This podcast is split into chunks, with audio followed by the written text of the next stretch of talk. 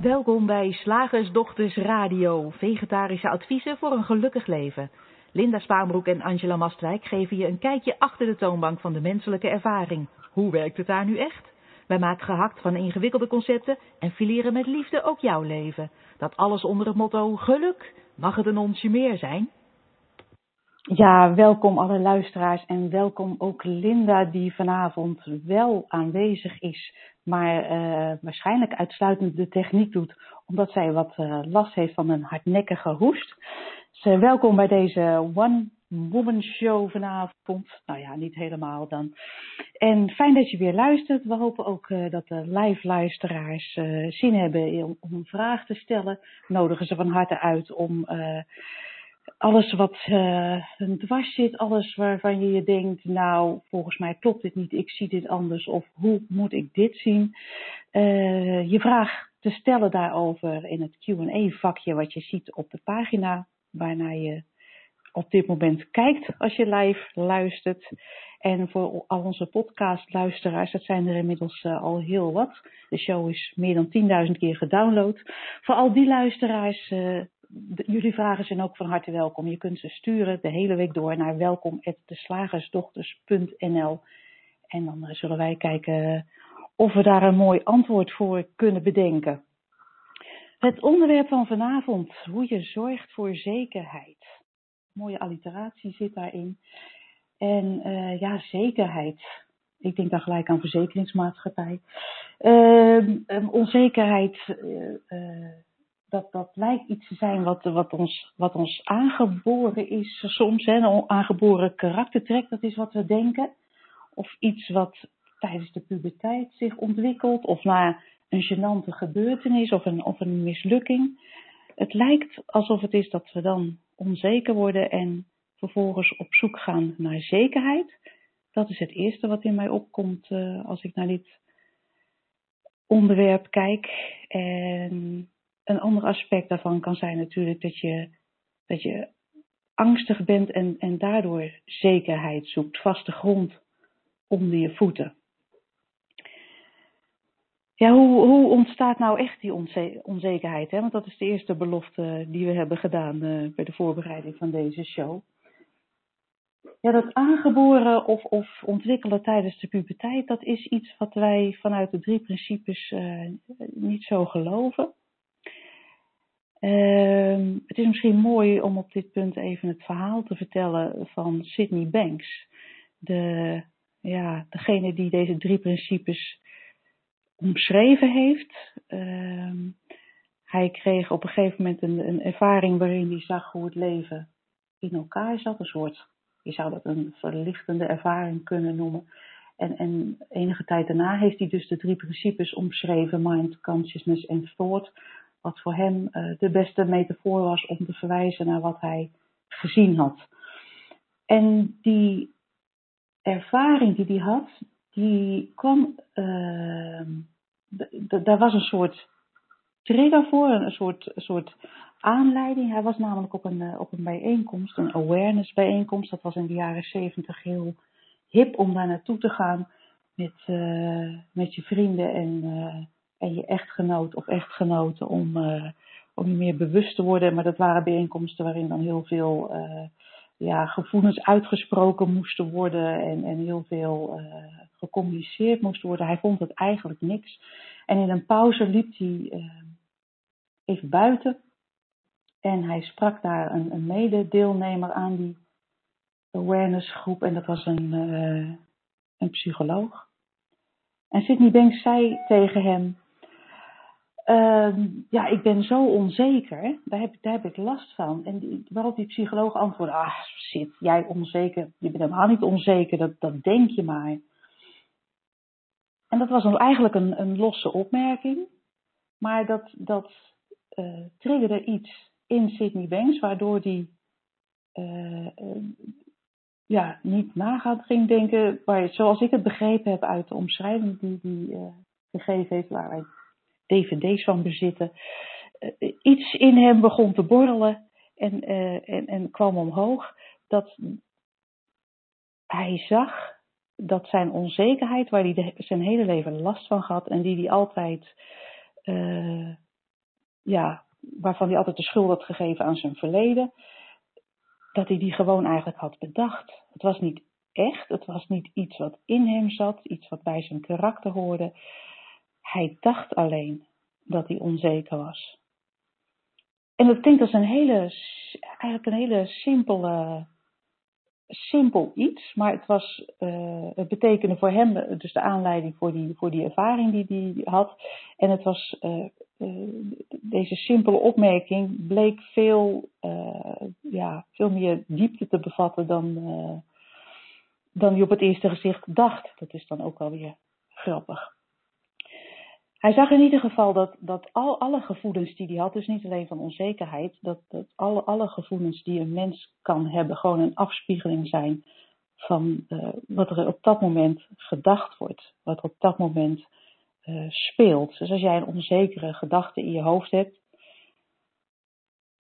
over iets, wat dan ook, over jezelf, over een omstandigheid, dan zorgt dat voor een onzeker gevoel. We concluderen vervolgens, ik ben onzeker. Maar eigenlijk is dat dus, de, de wortel daarvan is dus alleen maar ons denken. Je bent niet onzeker, je denkt maar dat je onzeker bent. Dus onzekerheid, de wortel daarvan is alleen maar de gedachte. En dat brengt ons gelijk bij het tweede punt, wat maakt dat we zekerheid vaak in de verkeerde hoek zoeken? Omdat wij dus met het misverstand leven over het algemeen, dat uh, je onzekerheid komt door externe factoren. Ik ben onzeker over mijn toekomst, ik ben onzeker over mijn uiterlijk, ik ben onzeker over uh, de hoeveelheid geld die ik op de bank heb, of onzeker over uh, mijn werk en hoe ik daarin functioneer. Omdat we het idee hebben dat onze onzekerheid van buitenaf komt, zoeken we de oplossing daarvan, zekerheid dus, ook vaak in de verkeerde hoek. Want als je nou helemaal denkt dat uh, niet genoeg geld op de bank jouw onzekerheid veroorzaakt, dan is het logisch dat je, dat je gaat streven naar, naar meer geld op de bank en, en, je, en je al dus zeker gaat voelen. En als je onzeker bent omdat je bijvoorbeeld een relatie hebt die een, beetje uh, ja, niet, niet zo lekker loopt. En je denkt, oh, als hij of zij mij maar niet verlaat. En als je denkt dat dat de wortel van je onzekerheid is, in plaats van die gedachte, ja, dan zou het zomaar kunnen zijn dat je je zekerheid gaat zoeken in, uh, in, in, het, in het vasthouden van die, van die partner. In, ga je misschien anders gedragen, dan ga je misschien uh, ja, je in allerlei bochten wringen om, om, om maar te zorgen dat die relatie in stand blijft.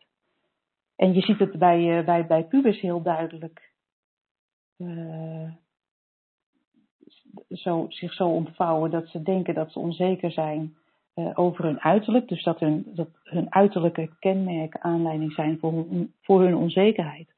En dan gaan ze dus heel erg aan dat uiterlijk werken om zich zekerder te voelen. ineens een laag make-up op, ineens ja, moet dat haar anders of, of andere kleding. Dat moet allemaal perfect. En ja, zo, dus eigenlijk zorgt dat misverstand ervoor dat wij denken dat uh, die gevoelens van onzekerheid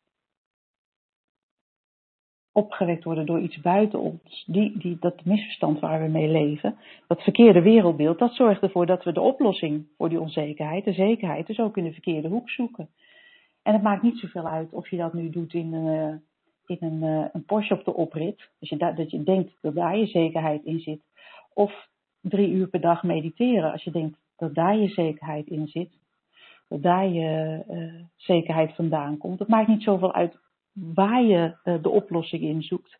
Maar feit is dat je naar buiten kijkt en dat dat niet uh, de juiste richting is.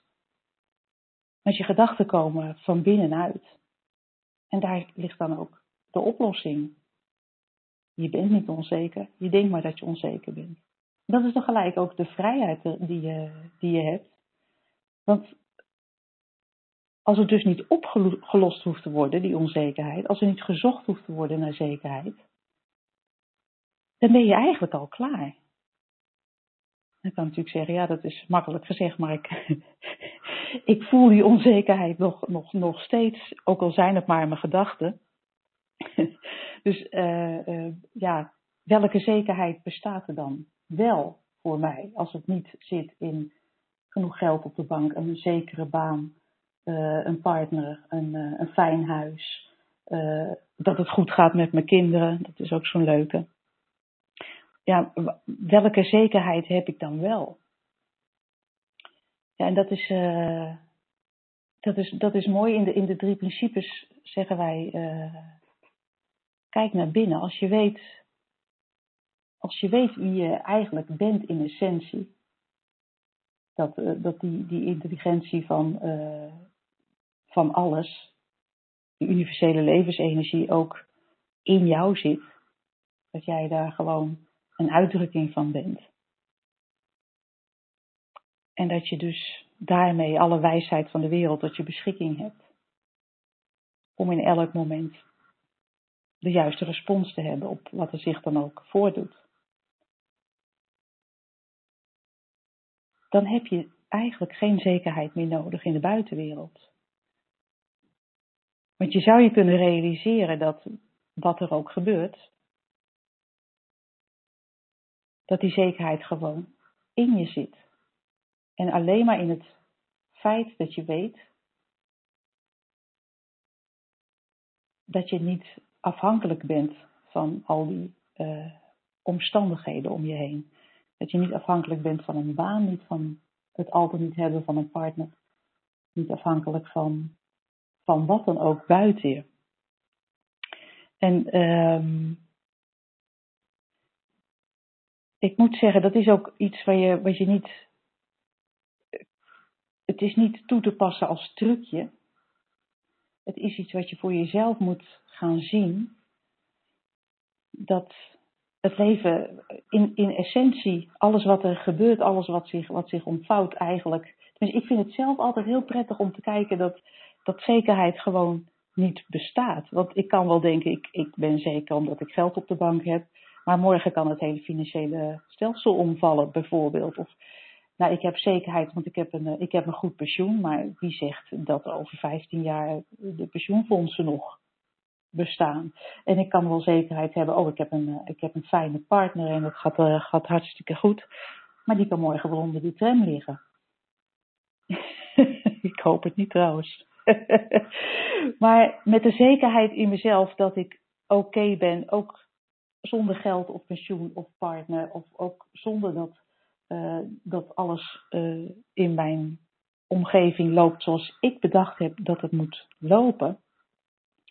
Ja, in, in, uh, in die wetenschap vind ik eigenlijk mijn zekerheid. Ook niet altijd. Want ja, de menselijke ervaring is nou eenmaal zo dat daar gedachten bij horen. Die komen en gaan. Dat is gewoon een soort natuurgegeven om het zo maar even uit te drukken. En ja, dat bewustzijn laat dat dan helemaal zien in een, in een film 5D, of bestaat dat 5D? Eh, waarin je dus echt ervaart dat, dat jouw gedachte waar is. Dus als er bij mij een onzekere gedachte opkomt van, oh, hoe moet het volgend jaar met, uh, ik noem maar wat, uh, met mijn werk, dan, dan kan ik die ook gewoon voelen. En het kan soms heel echt lijken dat het, dat het eng is om niet te weten uh, wat ik volgend jaar doe. Om geen zekerheid te hebben van een vaste baan. En in mijn geval ook nog de zekerheid, geen zekerheid te hebben van een huis uh, om in te wonen. Omdat ik toevallig in een camper rondtrek. Maar ergens in mijn achterhoofd is dan toch altijd die, die, ja, die wetenschap van, oh, maar al die dingen om me heen, dat, is, dat zijn omstandigheden, die, die definiëren mij niet. Dat is niet wie ik ben en, en, zekerheid, en daar hoef ik mijn zekerheid niet uit te halen. Dus wat er ook gebeurt, ik ben oké. En dat is natuurlijk hartstikke fijn om te weten. En ik hoop dat uh, Linda nog steeds braaf aan de knoppen zit om, uh, Want ik denk dat we hiermee het uh, onderwerp zekerheid hebben, hebben, afgesloten. En mochten er vragen opkomen, ze zijn van harte welkom. Maar ik denk dat wij nu overgaan naar de wetenschap. Slagersdochters, wat zit er in de leverworst? Oftewel, tijd voor wat wetenschap. Ja, de wetenschap. Even kijken wat ik deze week had, uh, had gelezen. Oh ja, hartstikke leuk. Ik ga het hebben over een, een theorie. Het gaat over het brein. Dat vind ik altijd een heel mooi onderwerp, want het is natuurlijk fascinerend wat zich allemaal uh, afspeelt tussen die twee oren. Ons hele, onze hele realiteit wordt daar uh, gecreëerd. Met behulp van die grijze massa. En uh, ik heb een artikel gelezen over de brain filter theory. Oftewel het breinfilter theorie, laten we het zo maar eventjes letterlijk vertalen.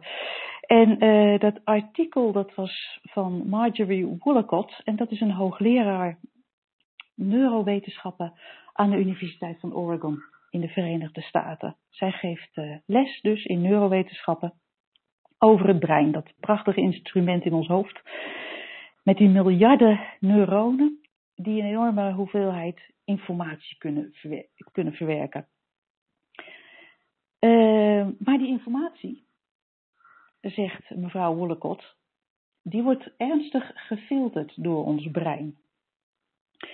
Alles wat wij waarnemen, wordt niet door het, uh, uh, nou wordt wel door het brein waargenomen, maar eigenlijk komt het niet allemaal in ons bewustzijn, omdat ons brein dat filtert. En zij zegt dat is maar goed ook, want anders zouden we gek worden. Maar dat is uh, de, de, persoonlijke mening van mevrouw Wollekot. Zij laat aan haar studenten bijvoorbeeld zo'n filmpje zien. Misschien dat de luisteraars dat ook wel op internet hebben gezien. Ik kan het mij in ieder geval herinneren. Van mensen die een bal overgooien. En degene die daarnaar kijken wordt dan gevraagd hoeveel, hoe vaak wordt die bal overgegooid. Het zijn dan twee basketballers die heel snel die bal overgooien. Dus jij moet tellen hoe vaak dat, uh, dat gebeurt. Nou, na afloop van het uh, filmpje vraagt zij dan aan haar studenten hoe vaak is die bal overgegooid. En de meeste kunnen er daar ook wel een juist antwoord op geven. Maar dan vraagt ze, heb je nog iets anders waargenomen op de achtergrond? En bijna niemand heeft, heeft verder iets anders waargenomen, omdat men met dat brein ge, uh, dus, dus gefocust was op het aantal keren dat de bal over werd gegooid. Maar terwijl dat gebeurt, loopt er op de achtergrond in dat filmpje een, een, een man in een gorillapak. Dat is echt heel grappig.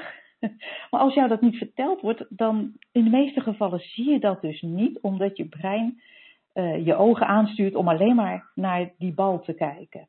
En, en, en dat, het feit dat er een gorilla op de achtergrond loopt, dat ontgaat de meeste mensen volledig.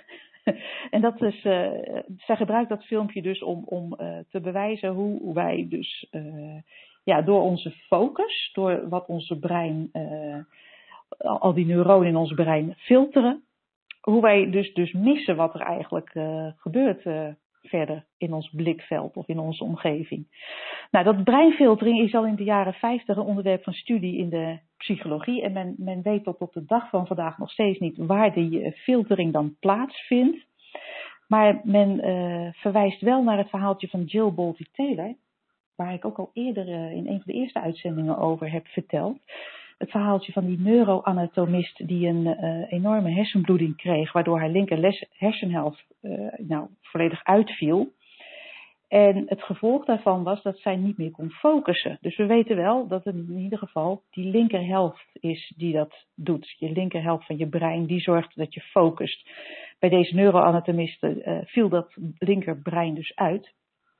En zij merkte dat zij uh, zonder die uh, hersenhelft enorm ontspannen was. Zij noemde het zelfs nirvana of la la land. Zij was volledig in het nu. Zij was helemaal ontspannen. Uh, en dat komt dus dat, omdat die rechterhelft, het creatieve brein, zich blijkbaar niet focust, maar, maar helemaal uh, nou ja, in, uh, in het nu zich bevindt en, en daar helemaal oké is. En die neuroanatomiste zegt dus ook van dit is mogelijk voor iedereen om, om je zo te voelen.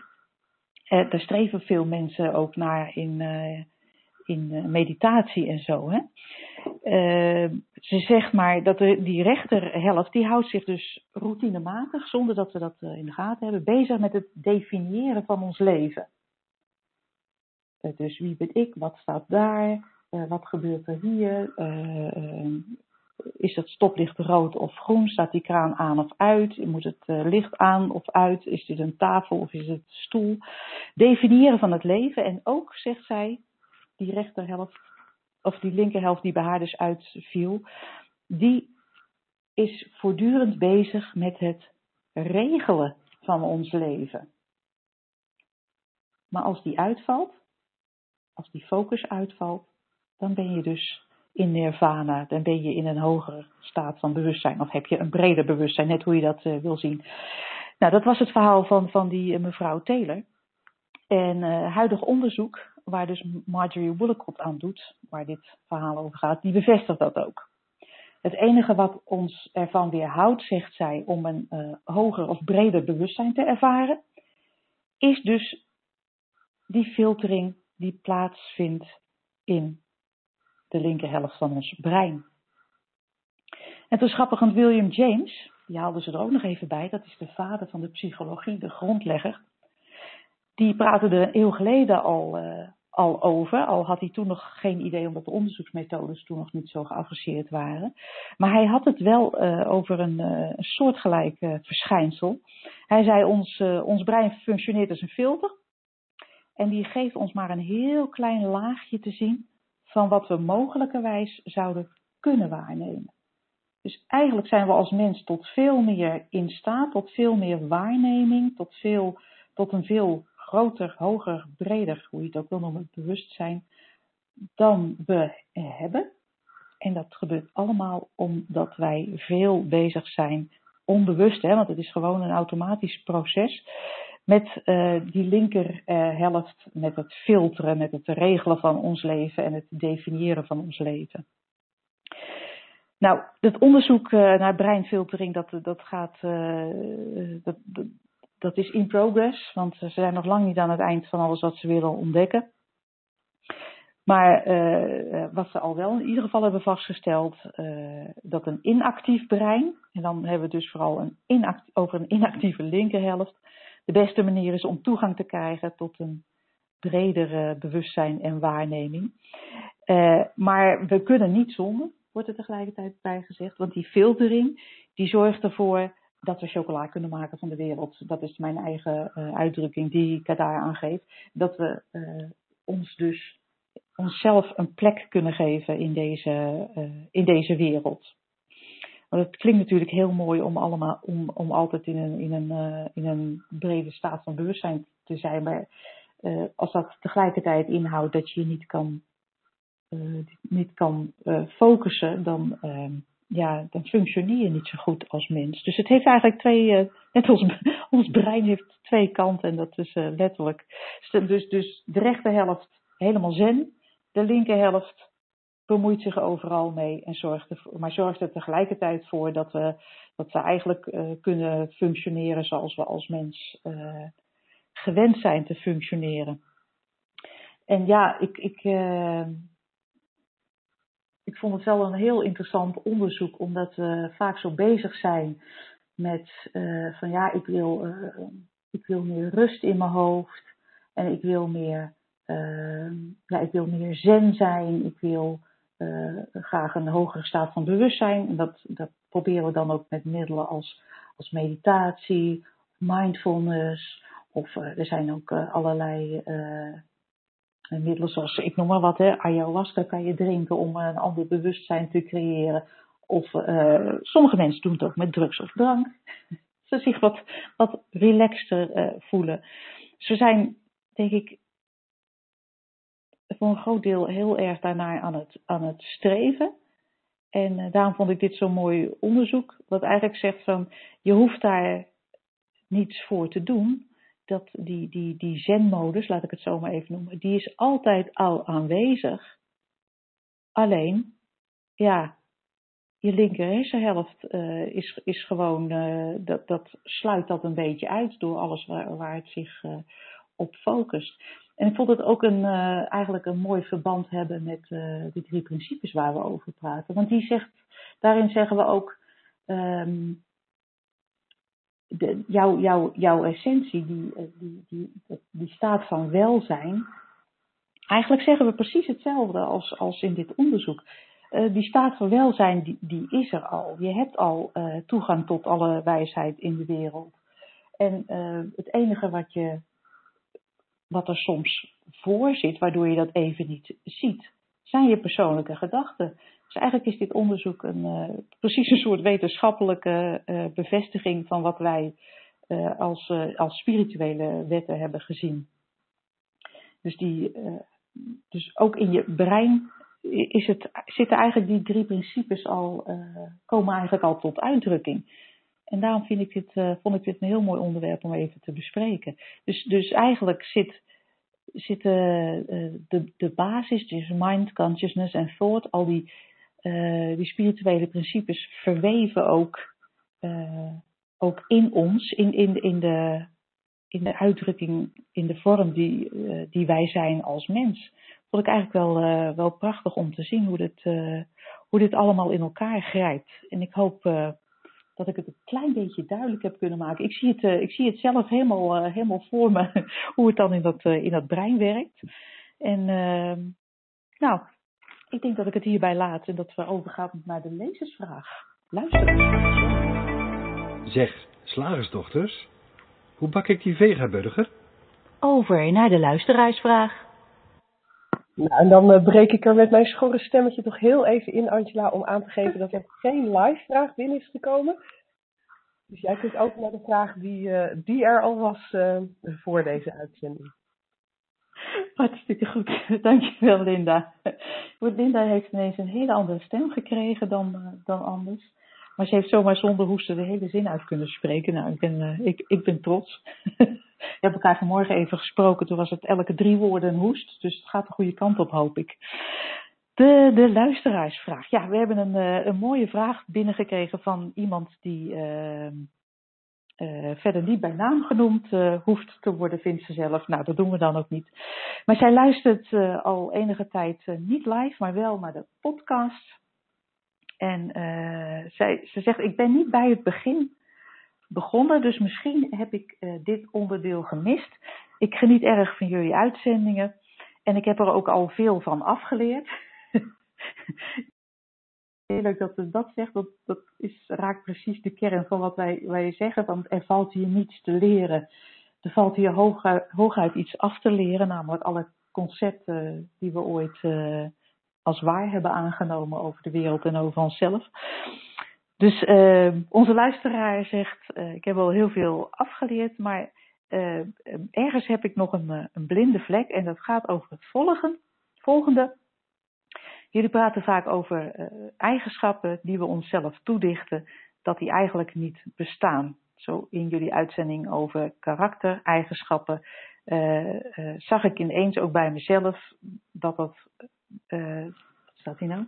Even kijken hoor dat de verlegenheid die ik altijd dacht te hebben alleen maar uh, bestond in mijn gedachten en dat gold ook voor mijn hooggevoeligheid.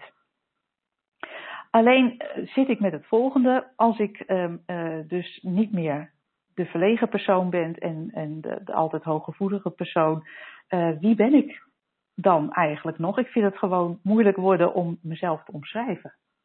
Nou, dat vond ik een, vond ik een hele mooie vraag, heel erg heel erg uh, intrigerend. Ja, wie ben ik? Ik moet ook denken aan die uitzending van, uh, die, die je vroeger op tv had.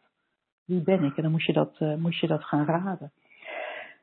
Ja, mooie vraag. Als je nou al die, die eigenschappen die je zelf in de loop van je leven hebt toegedicht niet bent. En je bent ook niet de functie die je hebt, je, het werk wat je verricht en je bent ook niet uh, uh, de rol die je vervult. Hè? Want ik kan bijvoorbeeld vertellen. Laat ik hier beginnen. Ik heb ooit uh, tien dagen, 14 uur per dag op een matje zitten mediteren.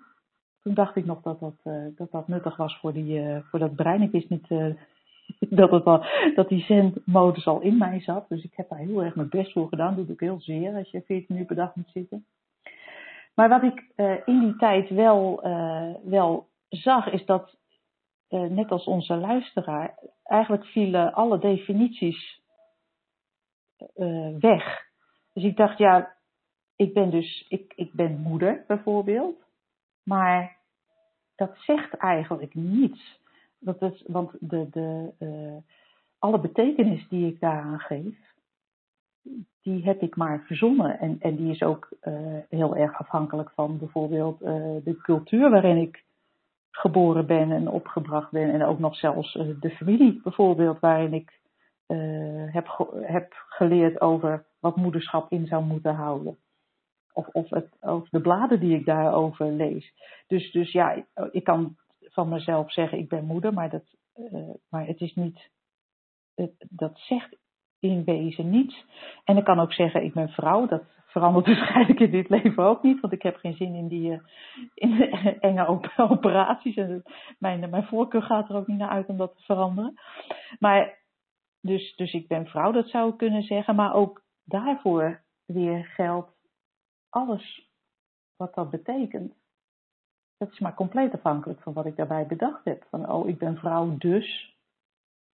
Maar alles wat er achter die dus komt, is niet waar, zag ik in die tien dagen eindeloos zitten. En zo gold het eigenlijk ook voor alles, voor de, voor de, voor de baan die ik had en voor de dingen die ik deed. En uh, voor mijn leeftijd bijvoorbeeld. Ik kan, ik kan mijn leeftijd noemen, ik ben bijna 50. Maar alles wat, wat daarachter komt, dus,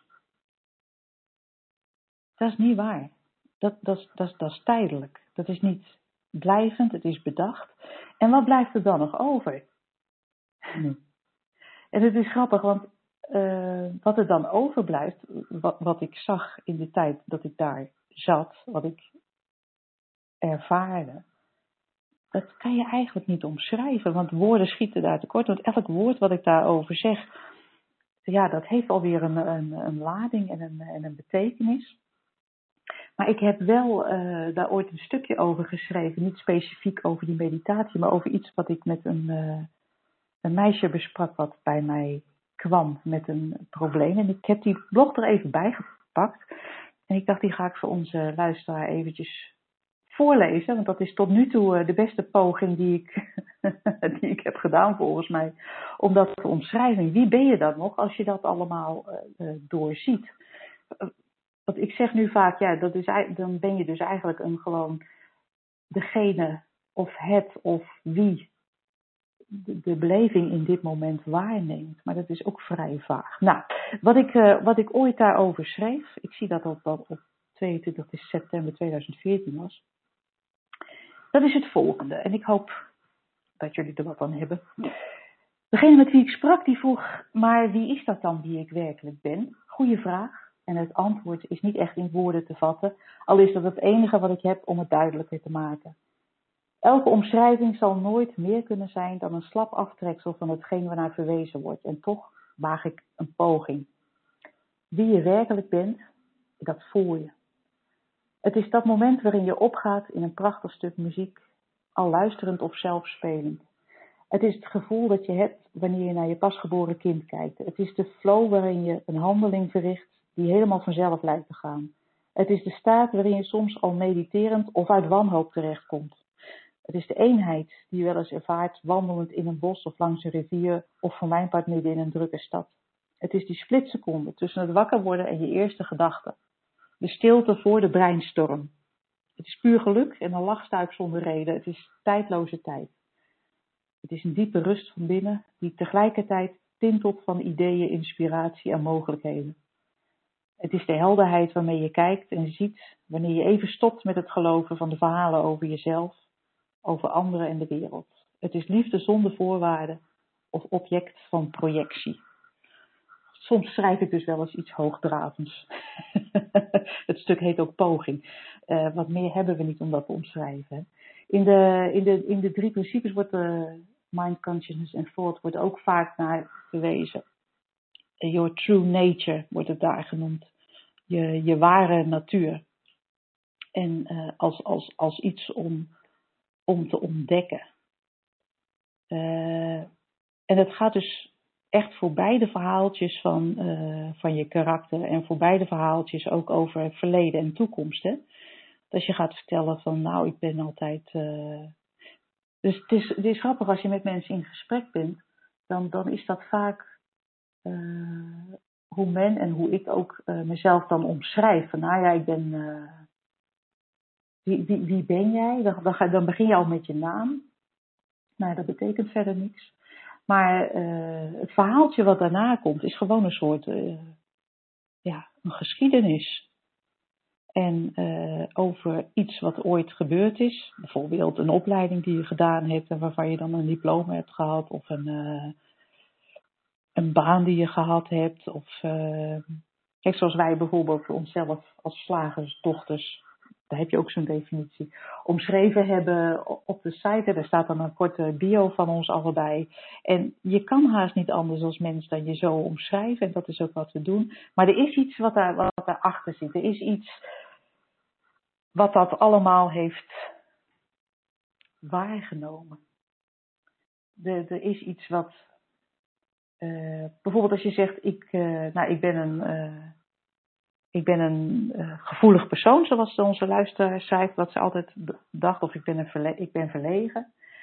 Dan, dan, dan zeg je, dan identificeer je met verlegenheid of gevoeligheid. Hè? Ik ben gevoelig of ik ben verlegen.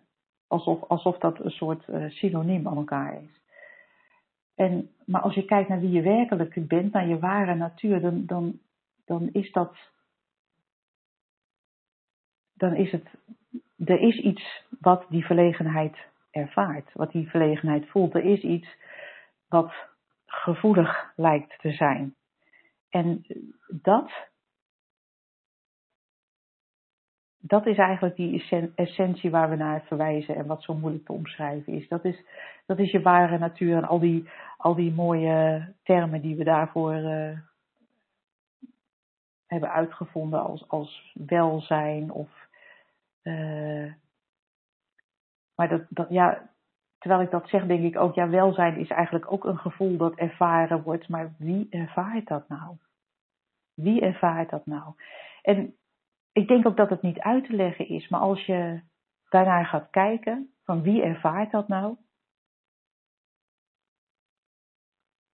En omdat je daar geen omschrijving van kan geven, omdat je daar geen verhaaltje over kan vertellen, want wie is het nou die verlegenheid ervaart, kan je zeggen ik, maar zonder het verhaaltje val je eigenlijk automatisch in een soort, ja, een soort stilte. Waarin die essentie duidelijk is. Het is eigenlijk niet te omschrijven. Maar het is wel de, de, de, de, de, de plek waar vandaan alles waargenomen wordt, maar waar vandaan ook alles makkelijk is. Ik gebruik graag het woord makkelijk. Want als die verhalen niet meespelen over hoe je bent, of, of de verhalen over, je, over wie je bent, of over de buitenwereld, hoe die ander is en, en uh, wat alles betekent, ja, dan is, uh, in die stilte, in die stilte voor de verhalen, beweeg je gewoon veel makkelijker.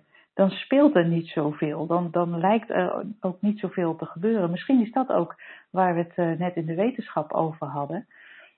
Als je dus, dus daarin terugvalt of een stapje terug doet of daarnaar kijkt, laat ik het zo maar even noemen, dan valt die linker hersenhelft, die al die definities heeft en die al die focus heeft en die, die voortdurend de wereld uh, wil omschrijven en, en, en regelen, die valt dan eigenlijk een beetje weg. En dan ga je meer het leven ervaren via dus blijkbaar, zoals men in deze wetenschap van uh, uh, het, uh, het filterende brein zegt, val je dus blijkbaar terug in de, in de, in de werking van de rechter hersenhelft. Waarin die mevrouw Taylor zo'n mooie ervaring omschreef van dat is nirvana. Dat is ja, je essentie. En tegelijkertijd is dat, uh, is dat linkerbrein natuurlijk heel handig als je een afspraak moet maken. Die volgende week moet plaatsvinden. Want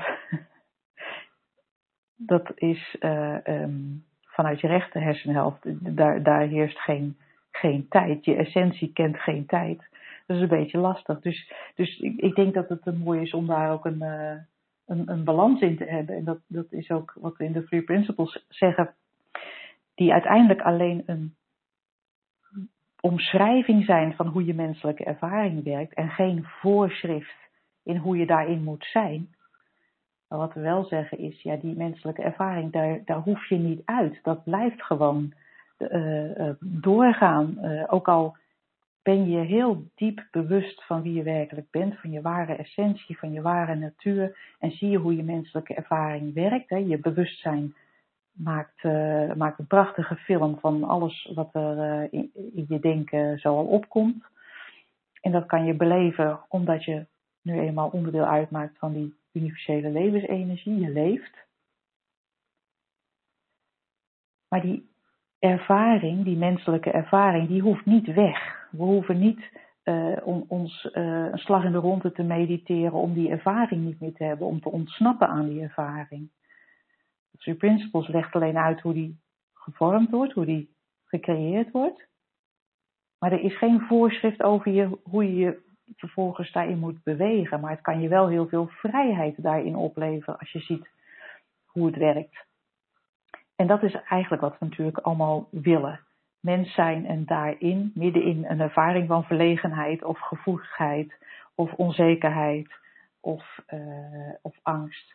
Om middenin zo'n ervaring toch ook uh, uiteindelijk te weten hoe die gecreëerd is, wordt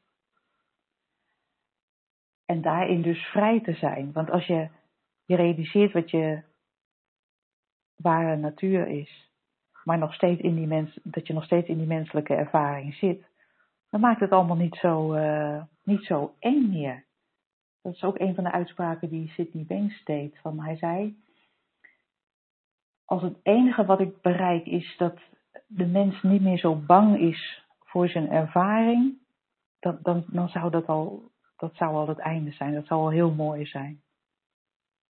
Want je zit nou eenmaal in die menselijke ervaring.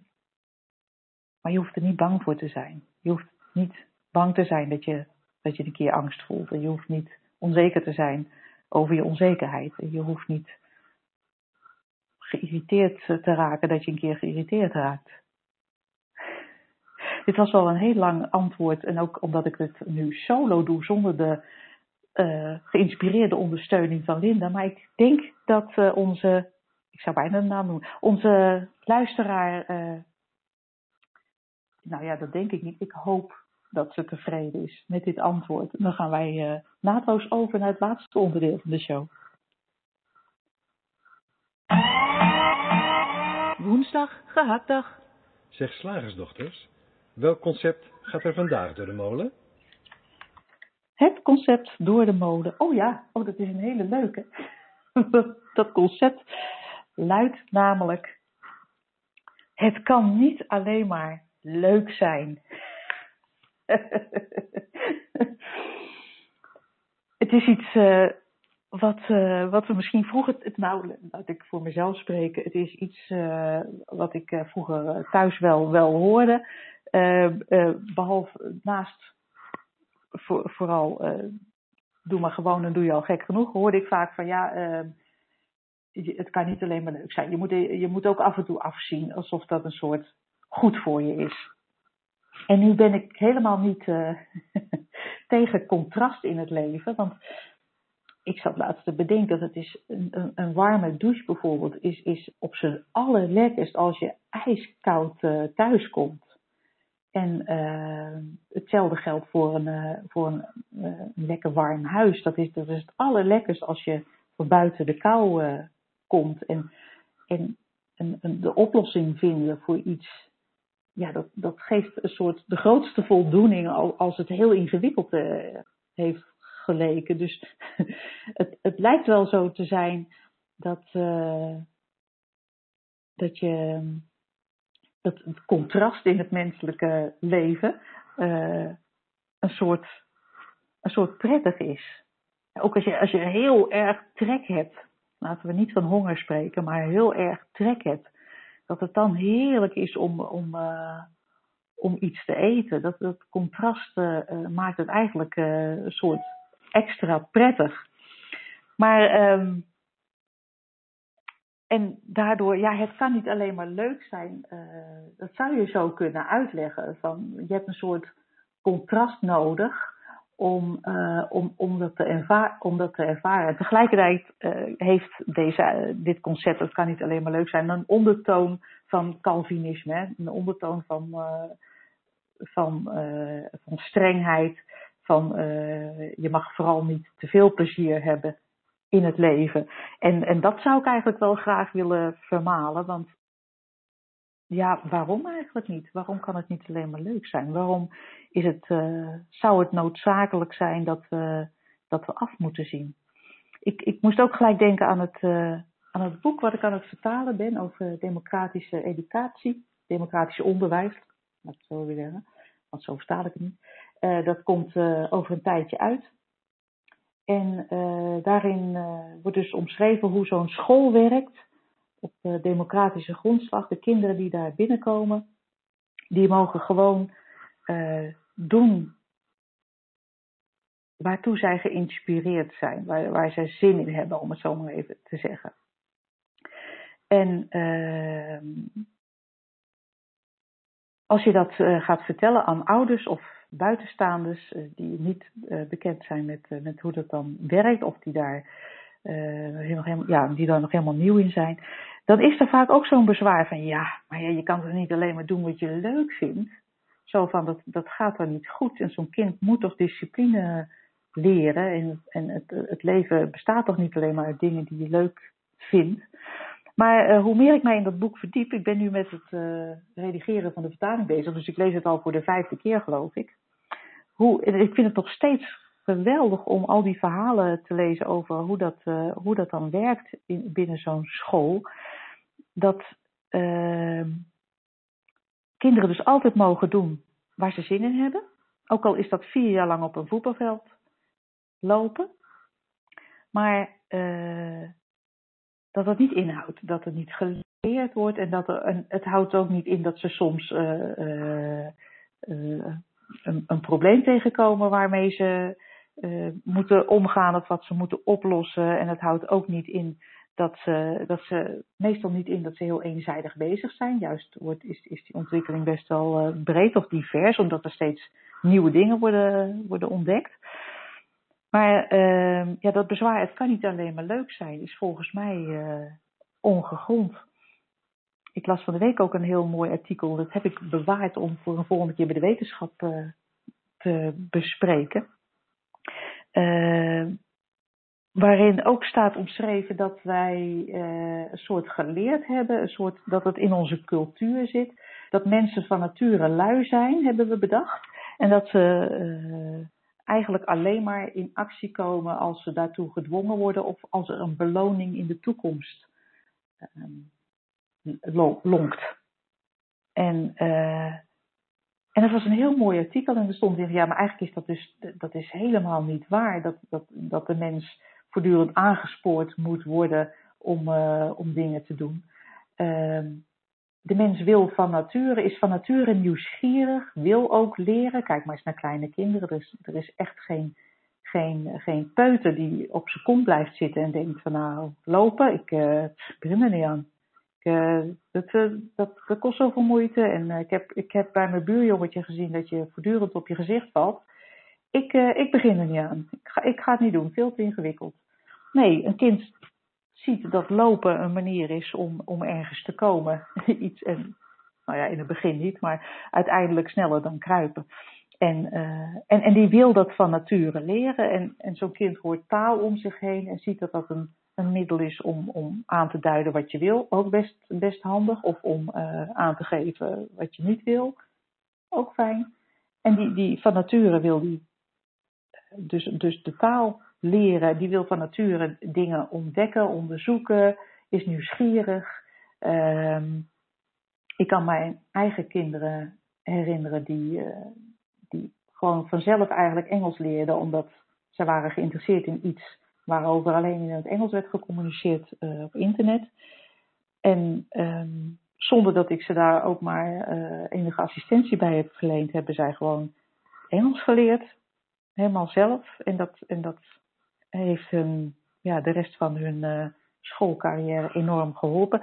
Maar, maar niet omdat ze dat moesten, maar gewoon omdat ze, omdat ze dat wilden. Omdat het voor hun een tool was om, om iets anders weer te leren. Uh, dus het kan niet alleen maar leuk zijn. Ja, ik vind het een beetje, persoonlijk een beetje een, uh, een beetje van zurigheid getuigen. Er zit dan een soort uh, niet, niet gunnen in.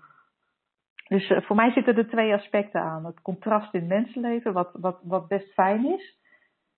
Als het heel lang donker is geweest, dan, dan, dan is het fijn als het weer licht wordt. Na een lange zomer denk je, nou, doe mij maar eens even een lekkere, een lekkere vrieskou of zo uh, een dagje door, tegen mijn gezicht. En uh, ja, dus dat is, dat, dat is onderdeel van het menselijk leven. Dat is hartstikke goed.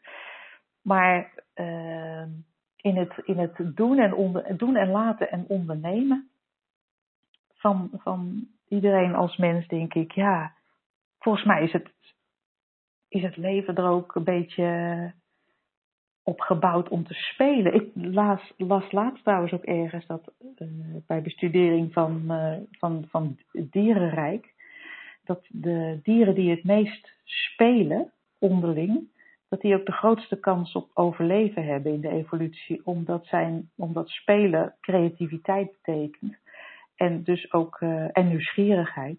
En dat er dus op, uh, door, door spelen oplossingen worden gevonden voor uh, obstakels die, uh, die zo'n diersoort dan tegenkomt om, door een veranderende omgeving. Dus er stond in hoe, hoe meer er gespeeld wordt, hoe, hoe makkelijker zo'n diersoort in dat geval zich aanpast. En ik denk dat het voor de mens eigenlijk ook geldt. Hoe meer plezier je in je leven hebt, hoe meer je dat uitstraalt, hoe meer dingen je doet waartoe je geïnspireerd bent. En dan heb ik het niet over dingen die je blij maken, want die bestaan niet. Volgens mij is het andersom. Dingen waartoe je geïnspireerd bent. Oh, dat ga ik doen. Ja, dat ga ik doen. En hoe meer je in het leven speelt, hoe. Uh, ja, ik denk dat voor de mensen hetzelfde geldt als voor die diersoorten. Hoe creatiever je bent, hoe makkelijker je uh, obstakels uh, omzeilt of, of eroverheen springt of er um, overheen vier hebt. dus ik denk dat, dat plezier uh, in je leven eigenlijk uh, ja, best voorop mag staan. Dat je best vanuit, ook, ook misschien geldt dat voor uh, wat, wat we net zeiden, dat, dat de ware natuur van de mens, als je daarnaar kijkt, als een baby geboren wordt, dan, dan leeft hij eigenlijk uit zijn, zijn ware natuur, omdat hij nog geen beperkende gedachten heeft. Ik heb nog nooit een baby gezien die uh, op de bank van de psychiater lag omdat hij zich zo onzeker voelde. Maar zo'n baby is van nature nieuwsgierig, onderzoekend, uh, vrolijk, tenzij hij even last heeft van een lichamelijk ongemakje als een natte luier. Dus volgens mij zit het in de mens zijn ware natuur, want die noemen we ook liefde en welzijn en geluk om, uh, om, het, om, het, uh, om het leuk te hebben. Om, om ja, plezier te hebben, om creatief te zijn, om, uh, om het leuk te hebben. Voor mij mag het alleen maar leuk zijn. en ik hoop dat ik daarmee het concept een beetje vermalen heb in mijn eentje. Het valt wel tegen hoor, Linda, zonder jou. Ik mis je wel een beetje, jouw je bijdrage. dus ik denk dat dat ik de, de uitzending maar ga afsluiten met de uitnodiging aan de, alle luisteraars om, uh, om ook eens een rating achter te laten op de, op de iTunes uh, en Stitcher uh, pagina's waar jullie zo driftig de, deze radioshows downloaden. En blijf dat vooral doen. Ehm, dus graag een keer een rating. Lijkt ons leuk. En natuurlijk ook uh, je vragen zijn weer uh, van harte welkom voor volgende week. En volgende week hebben we een beetje een speciale uitzending. Want dan hebben wij een, uh, een gast. Een, een Belgische gast. Onze collega Veronique Pivetta. Die Three Principles Practitioner is. Maar ook uitgeefster van, van boeken. En zij heeft het boek van George Prensky vertaald. Dat heet uh, The Relationship Handbook in het Nederlands. Het relatiehandboek is het geworden. En uh, daar gaat zij in de uitzending met ons over praten. En ik heb vernomen dat ze ook een boek gaat verloten. Dus dat is leuk voor de mensen die volgende week live gaan luisteren. En dan gaan we het dus over relaties hebben. En we hopen je dan ook weer hier in de eten te hebben. Graag tot dan.